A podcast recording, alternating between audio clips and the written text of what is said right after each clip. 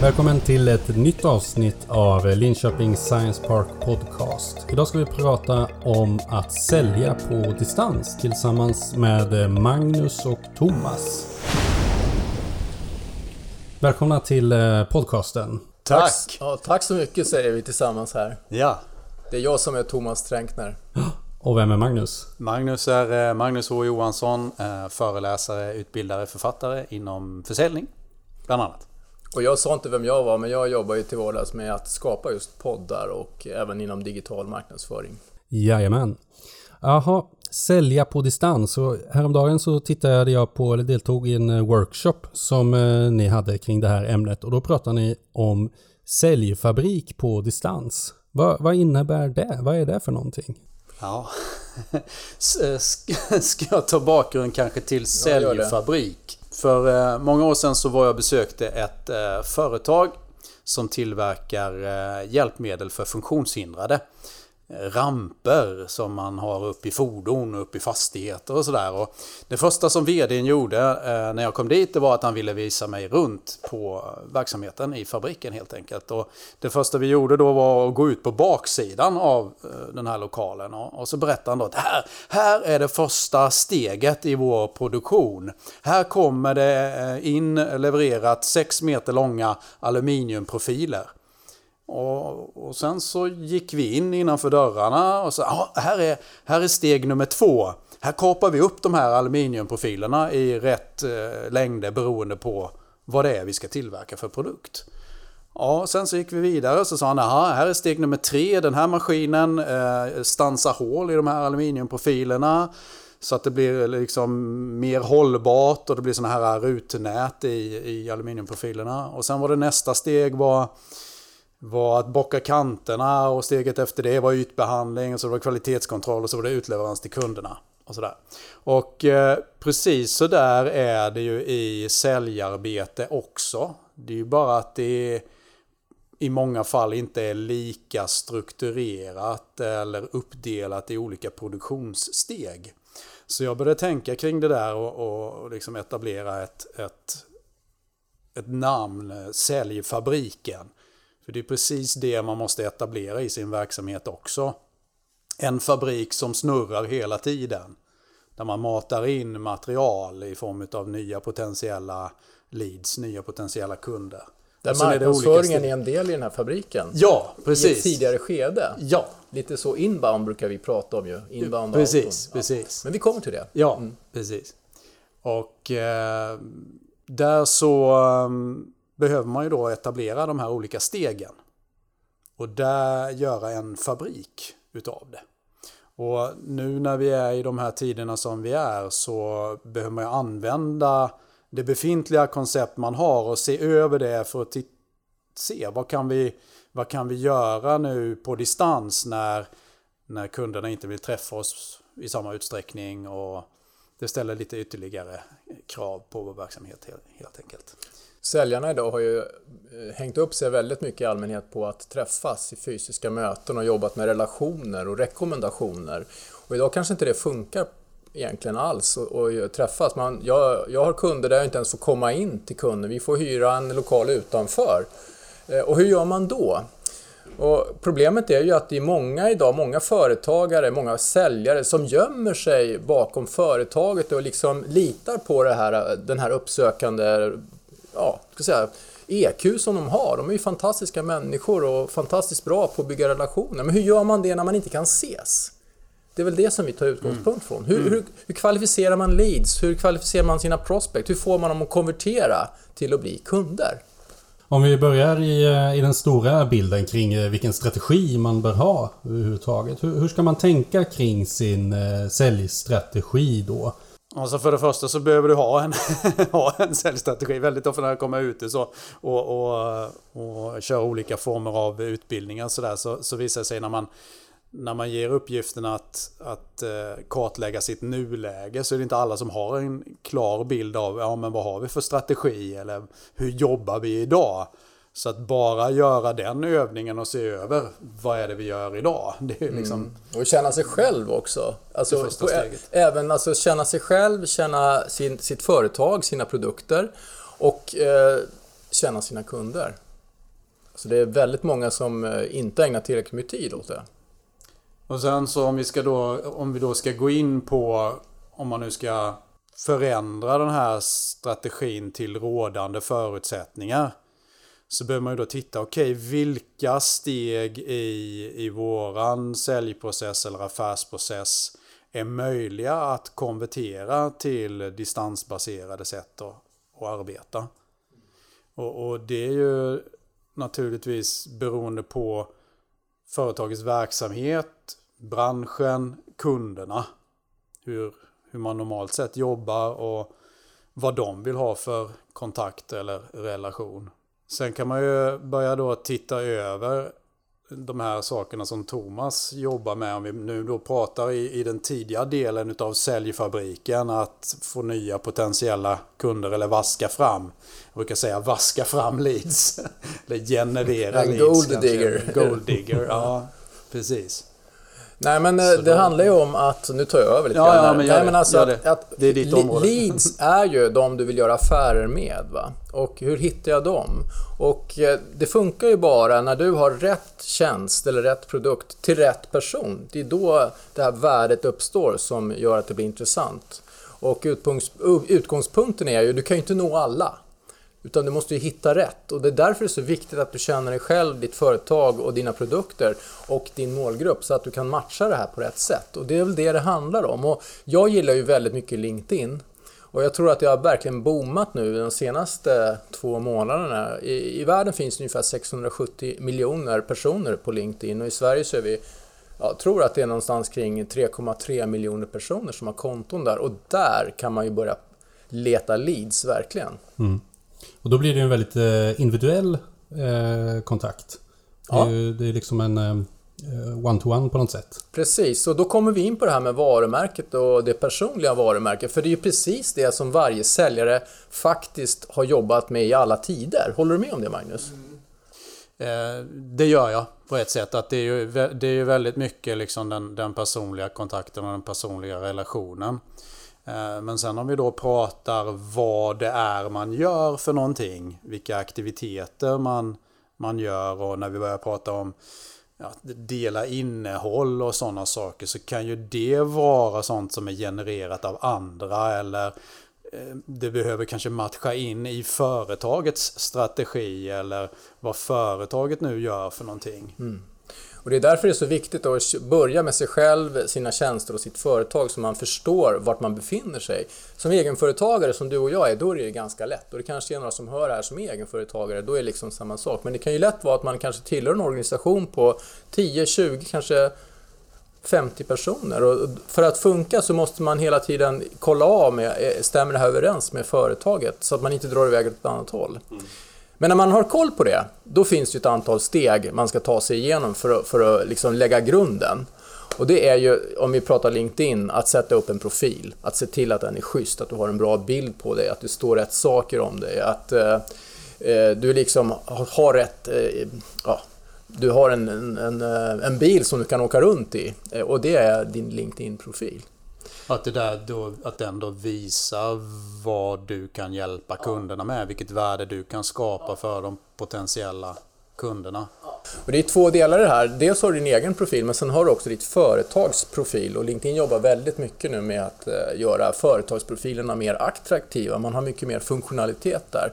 Men det hinner vi inte prata så mycket om här. Det är första steget. Det andra steget av fyra, det är ju att börja connecta med människor. För det är ju det som sociala nätverk är till för. Att eh, kontakta varandra så att man börjar eh, skicka förfrågningar om att bli i kontakt med rätt målgrupp.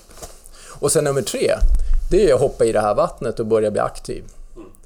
Och bidra, gilla, dela, kommentera, eh, skriv saker. Och då är vi inne på det här med content marketing. Jag vet inte om vi ska gå in så mycket på det just nu. Men lite grann. Alltså det, det handlar liksom om att börja visa vem du är bra på. Och det, det är ju det här i första steget, att du funderar på vad är din expertis? Vilken auktoritet vill du skapa kring dig själv? Och det är det man ska börja prata om. Men knepet här, det är ju liksom att vara relevant. Och har man då gjort den här andra läxan med att veta vem som målgruppen man har och vilka utmaningar de har. Och eh, i den här gamla tidigare analoga världen, vad är det du brukar föra för diskussioner med dina, på dina säljmöten? För oftast handlar det om att hitta en lösning på någonting.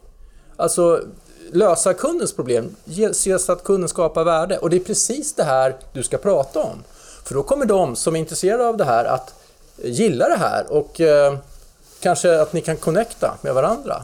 Du brukar prata om det här, eh, Thomas, svara på kundernas frågor. Ja, vad, är det man har för utmaningar inom den här branschen eller den här befattningen? Vad sitter de i för, för frågeställningar dagligen? Precis. Och vad, vad, är det för någonting som finns eh, lite längre framåt i tiden om man, om man, nu, kan, om man nu kan vara ett eller två år liksom framåt i tiden och, och framställa som att man har någon framtids, vad ska man säga, vision eller man har svar om framtiden för den här målgruppen då, eller för den här branschen eller just de här befattningen. Det, den är ju... Men på, på, när man håller på med det här, då bygger man ju också sitt nätverk sakteliga. Så att man kanske, från början kanske man bara har hundra eller ett par hundra kontakter. Man kan lätt komma upp i ett par tusen om man håller på med det här. Och då har du också en, en, en, en ja, egentligen kandidater till som kan bli kunder. Och eh, steg fyra i det här då, det sista steget, det är liksom börja odla de här relationerna riktigt så att du, du liksom kanske väljer ut några stycken som du blir verkligen eh, känner och, och börjar bygga relation med. För några av de här sen kommer att konvertera till att eh, visa intresse för dig. Om man har tagit sig igenom de här fyra stegen, så man, är liksom, man har en profil, man har börjat connecta, man har börjat bli aktiv och man har börjat odla relationerna, då kan man börja använda sökfunktionen i, i LinkedIn och eh, prospektera helt enkelt och sätta upp egna eh, sökkriterier på funktioner, på befattningar, på eh, tjänster. Geografi. Ja, ja, vad som helst. Och du får en lång lista. Du kan till och med köra dina andrahandskontakter och du behöver inte ha särskilt många för att du ska få en väldig massa människor. Det här är en fantastisk källa för prospektering. Mm. Visst. Absolut. Jag tänker innan vi eh, rullar vidare in i konverteringen av de här alla kontakterna nu då. Hur, eh, finns det andra kanaler, eller vilka andra kanaler är relevanta som man kan jobba med? Det beror helt och hållet på vad du jobbar med för produkt och, och bransch. Jag menar eh, för, för, för många är ju, som jobbar med business to business är ju LinkedIn ett, ett liksom ganska bra verktyg då att börja med. Men jobbar du mot konsumenter så kan ju mycket väl Facebook vara, vara intressant. Eh, och sen Instagram är ja, ett enkelt ja, verktyg som... Mm. Men, men hela tiden, det, det, det, handlar om att bygga, bygga den här fabriken. Så att, att hitta, hitta min målgrupp där var, var är de? Var är de aktiva för någonstans? Du, du har ett sånt roligt exempel när, när du jobbade som marknadschef i, i svetsindustrin eller svetsbranschen ja. mot svetsindustrin. Och började intressera dig för sociala medier och allting sånt. Då kom du ganska snabbt fram till att ja, men de flesta av dina eh, kunder de hade fortfarande fax. Va? De skickade fax. Så ja. de, hade inte, de hade inte Facebook eller LinkedIn Nej. eller, eller eh, när ett, Snapchat eller när fax, TikTok eller allt vad det nu heter. När faxen på ett smidesföretag går sönder, vet du vad de gör då? Nej. De köper en ny. Ja. Och det här var då förra året? Eller? Ja, men faktum är att det inte är så många år sedan. Eh, det, det är inte alls många år sedan. Med det menar jag att vi måste se varje kund eh, eh, från deras vinkel. Eh, det går att göra affärer med sådana också, absolut. Vi har ju någonting som heter telefon och vi har faktiskt världens äldsta sociala kommunikationskanal. Det är e-posten. Den fyller 50 år här nu tror jag snart. Och, och, om vi nu då ska prata om distansaffärer på distans så är ju telefonen fortfarande ett fantastiskt verktyg. Va? Det, det, är ju, eh, det, det, är ju felaktigt förespeglat i många sociala medier att, att kalla samtal fungerar inte och telefonen är död och allt det det, det stämmer inte. Jag gjorde i, eh, nu ska vi se, i torsdags förra veckan en, en eh, telefonaktivitet med nu ska vi se hur många säljare de var. Sju stycken säljare. De säljer färg till olika typer av verksamheter, olika branscher. Och eh, de bokade över 30 nya kundbesök på telefon i coronatider. Mm. Mm. Men de hade gjort en läxa. Jag vill bara de har gjort sin läxa Och det, det, är inte så lätt som man tror. För att det är ju så här, har du primat och gjort underlagsarbetet då kommer färgen att sitta. Då kommer folk tycka att den är fin. För att vad de hade gjort, det var att de ringde till rätt målgrupp förmodligen. Ja. Naturligtvis ska vi ju säga så här i corona att de var väldigt noga med att fråga sina kunder om deras policy och strategi. Det var inte alltså när det gäller möten och sådana saker. Att om de tar emot besök och, och sådana saker. Mm. Så att det måste vi säga. Men, men eh, telefonen är fortfarande ett fantastiskt verktyg. Vi, vi ska komma ihåg att, att eh, på, på eh, sociala medier, eller vi, ska, vi, kan börja så här att mm, vi kan ta det här om tre olika kommunikationssätten för det är någonting som, som är viktigt när vi sen ska prata om eh, möten på distans också. Alltså vi, vi uppfattar ju budskap på olika sätt. Vi, vi uppfattar det i skrift, alltså det ord som används, eller verbalt, de ord som sägs. Vi, vi uppfattar eh, det paraverbala, det vill säga hur någonting låter när det sägs. Och nummer tre, vi uppfattar det visuellt, det vill säga det icke-verbala kroppsspråk eller hur det ser ut eh, när vi kommunicerar någonting. Och, och eh, i, i, skrift i sociala kanaler, ja men då har vi bara de orden som vi använder. Om man inte gör som jag gjorde i morse, gjorde ja, en film. Precis, du kan ju, det är ju steg, steg två och tre. Nu använder vi liksom nu använder vi eh, det paraverbala, alltså liksom verbalt plus hur vi låter när vi säger saker. Det är det som, det är det som eh, ni lyssnare använder för att uppfatta budskapet. Det är det som ni använder för att tolka budskapet. Ni har inga bilder. Möjligen sitter ni och tittar i, i, i er eh, poddspelare här och, och ser någon bild på, på Fredrik eller Thomas eller mig. Men i huvudsak är det det vi säger och hur vi låter när vi säger det vi säger. Mm. Så det är de två liksom medlen vi har att nå ut med våra budskap eller påverka er som lyssnar. Och när jag nu höjer rösten, ja men då kanske ni rycker till och då blir det en extra, ett extra tryck på det ordet. Liksom. Det gäller bara att kunna påverka på rätt sätt. Jag, jag lyssnade på en podd som hade en bra analogi så här, att kunna påverka med tryckande medel, det kan du göra med en stol, för den kommer att stanna där du ställer den. Men tar du en människa, då kommer den att trycka tillbaka. så det får man ha klart för sig. Nej, så, så, så det är olika kommunikationsmedel i olika typer av medier. Och naturligtvis så, så, finns det i många sociala medier så finns det ju möjlighet att, att distribuera ljud och distribuera video också. För att lyckas med att sälja på distans i de här tiderna så är det ju två saker som är fundamentala. Eh, det ena är att du eh, hittar företag som är villiga att köpa. Alltså du, du måste identifiera de som det går bra för helt enkelt. Eh, och det andra är att du måste ju liksom synas med digitala medel och då menar jag den här, nu håller jag upp min eh, mobilkamera så här, gör film. Det är helt oslagbart och det gäller alla. Mm. Eller podcast. Ja, eller ja, podcast. ja, eh, men primärt som säljare eller om du vill få ut ditt budskap, posta någonting med din telefon. Det är mm. så pass lätt. Mm. Så man står där, eller man eh, befinner sig, man vet vilka det är man, eh, som, som eh, man tror kommer köpa av en och varför. Framförallt de skulle köpa av en. Vad är det för problem då jag löser för dem om de köper av mig till exempel? Eller vad är, så. Om man har identifierat en lång lista med, med leads i någon relevant kanal. Gärna LinkedIn då, eller någon annan kanal. Vart, hur gör man sen då? När det är dags att verkligen få det där kontakten att bli en kontakt som genererar intäkter för ditt företag? Vad använder man för teknik då? Ja, du, du, du kan använda telefonen då, faktiskt. Det, det, det, det, är ju ett, det är ett sätt. Och, och, där kan vi ju ge lite grann den här eh, lilla, lilla tipset att eh, ja, men, man, man, kan ju blanda emellan.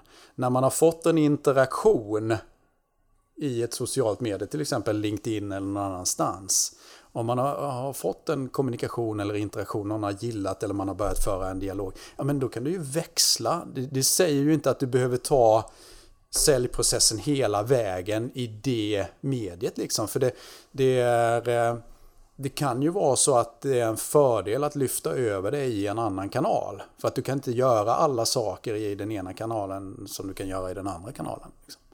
Så att eh, telefonen är absolut en, en sån sak som man kan använda i distans och fundera över om man inte kan sätta upp till och med en sån säljfabrik. Jag brukar prata om hybrid, hybridmodell. Där man liksom vaskar fram sina potentiella kunder i någon form av socialt media. Men sen vid en given tidpunkt i, i kundens beslutsprocess, ja men då är det någon som tar kontakt över telefon. Mm. Eller bokar ett möte. Eller bokar, ja. mm. Så när jag själv ska sälja till någon som jag vill göra affärer med, till att börja med hittar jag ju rätt person med rätt befattning, men sen så skickar jag någonting till dem. Jag går in och tittar på deras profil, vad de beskriver att de är intresserade av, vad de jobbat tidigare också. Och då relaterar jag det till, dem, eh, till, till det och kanske bifogar någonting av det jag gjort tidigare, någon artikel eller något poddavsnitt eller någonting. Jag har väldigt mycket material som jag har samlat på mig så jag hittar nästan alltid någonting. Och det, det skapar ett intresse, så då får vi igång en dialog. Eh, sen kan det också vara så man håller på tillräckligt länge med att bygga sitt personliga varumärke och bli lite känd inom sin bransch, vilket jag tycker att alla ska tänka, att bli mer kända. Det är att de ringer till dig. Då, blir det, mm. då behöver du inte sälja längre. Ja, precis. Och där, där, där kommer tre stycken liksom så grundläggande saker som är, som är viktiga att tänka på i all, all, all försäljning och all marknadsföring egentligen. Och det, det är en sån här klassisk påverkansprincip som eh, om man vill läsa mer om det så kan man läsa Robert Cialdini som har forskat på vad är det som får människor att säga ja till andra människor. Och det är alltså, vi säger ja till dem vi gillar. Och vad är det som gör att vi gillar andra människor? Ja, nummer ett, vi gillar trevliga människor. Nummer två, vi gillar no människor som är lika oss själva. Behöver ju det inte vara fysisk uppenbarelse då eller utan det kan vara likhet, vi har någonting gemensamt med den personen. Bakgrund, intresse, geografi, vad det nu än är för någonting. Va? Och, och nummer tre, vi gillar människor som bjuder på sig själva. Eller bjuder på något. Så, så det är tre sådana där grundregler som man kan tänka på oavsett om det är i, i sociala kanaler eller eh, på distans eller om det är i liksom fysiska möten. Om man jobbar eh, med i huvudsak att hålla försäljningen på i ett distansläge så att säga. Eh, genomför man ett traditionellt säljmöte då eller hur ska man tänka kring den typen av kontakter? För det första så kan du tänka på hur, hur långt ska du ta varje steg? Alltså när... Vad är det varje steg ska innehålla? När är det du har ett regelrätt säljmöte och vad ska det innehålla? Det är väl den första delen. För jag menar, ibland så är det så här att man, man, tar, man tar den där första kontakten för långt så att man kanske pratar ut sig ur, ur mötet eller ur intresset för att man inte har rätt verktyg i det mediet. Eh, det, det, det, det, klassiska är ju den här mötesbokningssamtalet som, som tar alldeles för lång tid och berättar alldeles för mycket så att intresset dalar. Där syftet egentligen bara är att få till ett, ett nästa steg, ett möte. Så, så det är väl det första att tänka till, okej, okay, eh, hur långt tar jag varje steg i varje media om man säger så. Eh, och, och, sen så ska du då tänka, ja men ska jag ha ett regelrätt säljmöte, ett första möte? Vad är det jag ska komma fram till? Vad är målsättningen med det mötet? Och sen rigga det så att jag har alla de medel för att åstadkomma det. Där är väl någon slags grund, grundregel. Mm. Återkommer hela tiden här att man måste vara väldigt medveten om vad man, vad man vill med varje steg, men också överhuvudtaget identifiera stegen. Mm. Tänker jag. Så du återkommer hela tiden till den. Precis. Precis. Ja, men Magnus har ju en säljkarta och den har jag på min vägg eh, på mitt kontor, eller vårt kontor, hela tiden där vi tänker jag tror att det är sex steg i den här. Mm. Och där varje, man hamnar, man kvalificerar sig själv högst upp i trappan, då blir man kund. Mm. I början så är, man, är det bara en wannabe på, på, som ett namn på en tavla, någon som jag vill göra affärer med. Och det här är jättebra att tänka för att då, det ger två saker. Det ena är att, som Magnus säger, jag tar inte för stora steg. Jag vill inte få ett avslut på en gång. Mitt avslut är ett nästa möte eller att få skicka en offert eller någonting sånt där. Mm. Alltså det, det, kan, det, kan, ju vara en affär direkt. Det beror på vad ja. man jobbar med och vilken kund, vilken kund det är.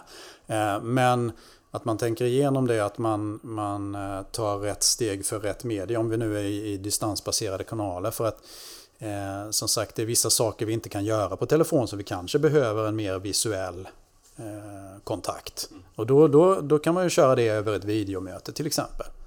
Eh, Och det är egentligen att man sätter upp det precis som när du bokar ett vanligt möte. Antingen så bokar du det på telefon eller du bokar det. Du bokar det på en eh, Eh, i en e-postkontakt eller i en kontakt över LinkedIn eller hur du nu bokar det. Det finns ju en del som till och med som, som kör om vi bygger en, en, en mer inbound-modell. Att man signalerar då att man, man erbjuder ett visst värde utan kostnad. Får gratis rådgivning, boka här och sen, sen kommer den här potentiella kunden till en, kanske till en webbsida där, där man kvalificerar kunden enligt eh, några, några kriterier och sen får de då boka direkt in i din kalender. Det är ju ett sätt att sätta upp en, en eh, automatiserad säljprocess på. Mm. Så det, det, kan ju vara rätt i vissa, på vissa produkter eller vissa branscher. Ehm, och sen så, mm, men när man, när man sen kör själva distansbaserade mötet så det, det är vikt, några saker som är viktiga. Att, att, eh, att ha, precis som vanligt, ha, ha en målsättning med, med mötet. Vad ska när vi, när vi stänger av den här videomötet, vad ska vi ha kommit fram till då? Vad är det jag ska ha med mig för någonting? Eh, och eh, sen är det också att titta på liksom, hur, hur ska jag åstadkomma det här? För det är ju några stycken utmaningar. Även att vi då har ett videomöte där vi har lagt till den här tredje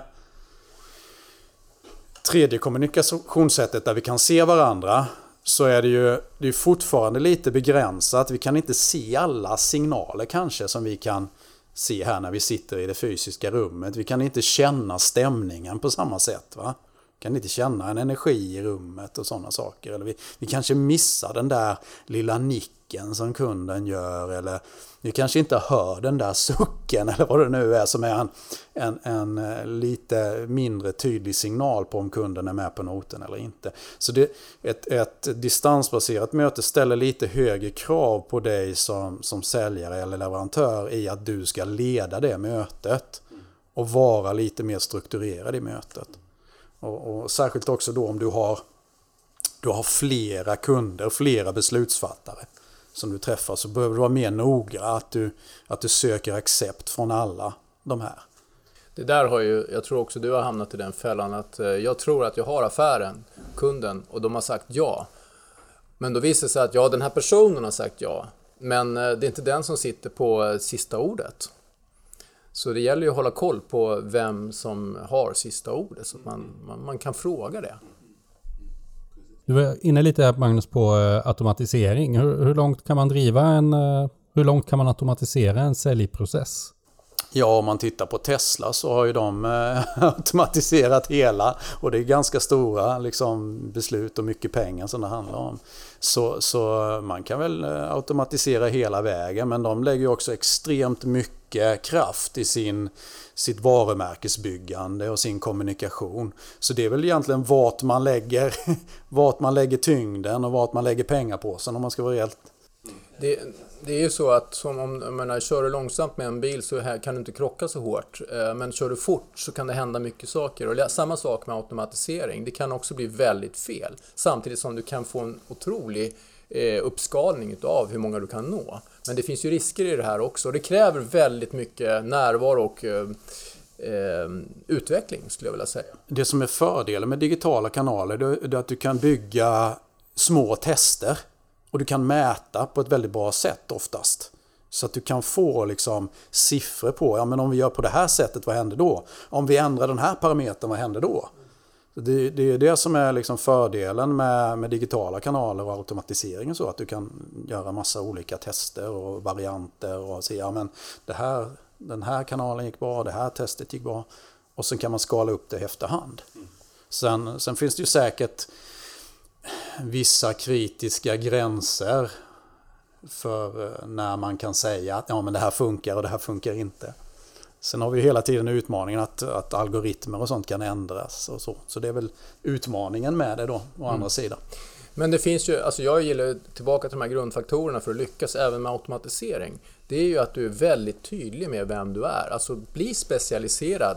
Ta bort allting så mycket som det går. När jag började som företagare för tre år sedan så höll jag på med så här mycket. Idag håller jag på med så här mycket. Men det går så här mycket bättre. Nu håller jag ut mina händer jättemycket. ja, och det visar ju då äh, begränsningen i det här mediet då. För nu ser inte ni när Nej. Thomas viftar med handen. Fick jag in en poäng där. Det är väldigt ja. viktigt att vara tydlig. För då kan du skala och automatisera om du är väldigt smal. Och ihärdig som 17 alltså. Nej, för det, det ska man ju komma ihåg också. Det, det är ju alltid en faktor i framgång, uthållighet. Och eh, om man tar den här akronymen FOCUS som jag gillar, Follow One Course Until Successful. Det är ju att eh, håller du på med någonting tillräckligt länge så kommer du bli auktoritetsklassad. Alltså folk kommer att tänka på dig för det, den du vill vara. Och då kan det uppstå saker som du inte hade en aning om. Eh, det kommer möjligheter när du minst anar det.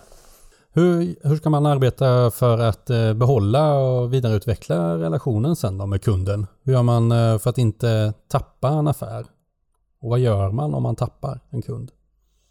Tänker du tappa intresset under eh, själva säljprocessen eller tänker du när kunden har blivit kund? Ja, precis. Nej, jag tänker när man väl är där så att man har en betalande mm. kund. Mm. Mm. Eh, och det, det är samma sak där. Vad, hur vill kunden kommunicera? Vad gillar kunden att, få för, för service? Det är den första man ska, frågan man ska ställa sig. Eh, och sen är frågan om vi tänker då eh, liksom rent generellt, om vi tänker i digitala kanaler. Finns det liksom saker man gör i digitala kanaler för att underhålla kunden? Det första, det första är väl kanske liksom distansbaserat, om vi tänker distansbaserat, ja men använd telefonen. ring, ring, dina, ring dina befintliga kunder, även om du inte har någon nyhet, utan bara särskilt i ett sånt här läge när vi har en, en pågående pandemi. Ja men det är ju, det är ju ett gyllene tillfälle. Bara ringa kunderna och höra hur de mår och hur de har det och hur det går för dem. Jag har ju en, för min egen del i min verksamhet så har jag en princip om att försöka boka in möte med kunden en gång i månaden. Helt oavsett eh, vad vi har att prata om så säger vi att nu hörs vi om en månad igen så har vi ett schemalagt bokat möte. Och det, finns ju, det är alltid bra att prata med sina kunder. Och det är ju det är många som bygger in det, om vi nu pratar säljfabrik då, så bygger man in det som ett steg. Man bygger in projektmöten i sin affärsprocess eller affärsmodell helt enkelt. Att efter att vi har genomfört leveransen till kunden, ja men då är det projekt, projektmöte en gång i månaden eller en gång i kvartalet eller när det är. Och det, det är ju etablerat i, i många IT, IT-företag idag eller när man har en systemleverans eller mer komplex leverans på något sätt. Och sen i det här läget så har jag också erfarit att eh, kunder kommer att försvinna ett tag nu på grund av det här med, som har hänt sedan 14 mars med, med coronakrisen så har jag märkt att eh, företagen drar öronen åt sig fullständigt. Men låt dem göra det då. De kommer tillbaka sen någon gång så eh, var lite... Om det nu är så ska ja. vi säga så för det, det, blir lite lätt så här att Ja men nu är, det, nu är det kris och nu är det så här, nu är det nedsläckt överallt. Det är ju inte så. Det är inte så. Det, Nej, men de drabbas av pan, eh, liksom, lite så här panik. Vad gör vi? De måste samla sig själva. De måste så ta hand om situationen. Så kan det vara. Man behöver liksom utreda, okej, okay, vad är läget för oss och vad, jag har kunder i, London till exempel, där min kontakt där, han eh, har liksom knappt kunnat jobba, han, han får inte gå ut. Mm. Och då är det bara liksom, och även i Danmark. Mm. Mm. Ehm, så man får ha lite tålamod. Det börjar bli dags att runda av men eh, innan vi avslutar så eh, vilka skulle, vad är era tre bästa knep för att eh, nå igenom i det här enorma bruset av telefonsamtal och sociala medier och digitala kanaler. Vad är det, eller rättare, kanske snarare så här, vad, vad, vilka tre steg ska jag börja med om jag vill försöka komma i en bättre distansläge i min försäljning? Ja, men ett då, se över liksom affärsprocessen eller säljprocessen. Vilka steg i den kan jag göra distansbaserade? Vilka kan jag digitalisera? Det är väl nummer ett.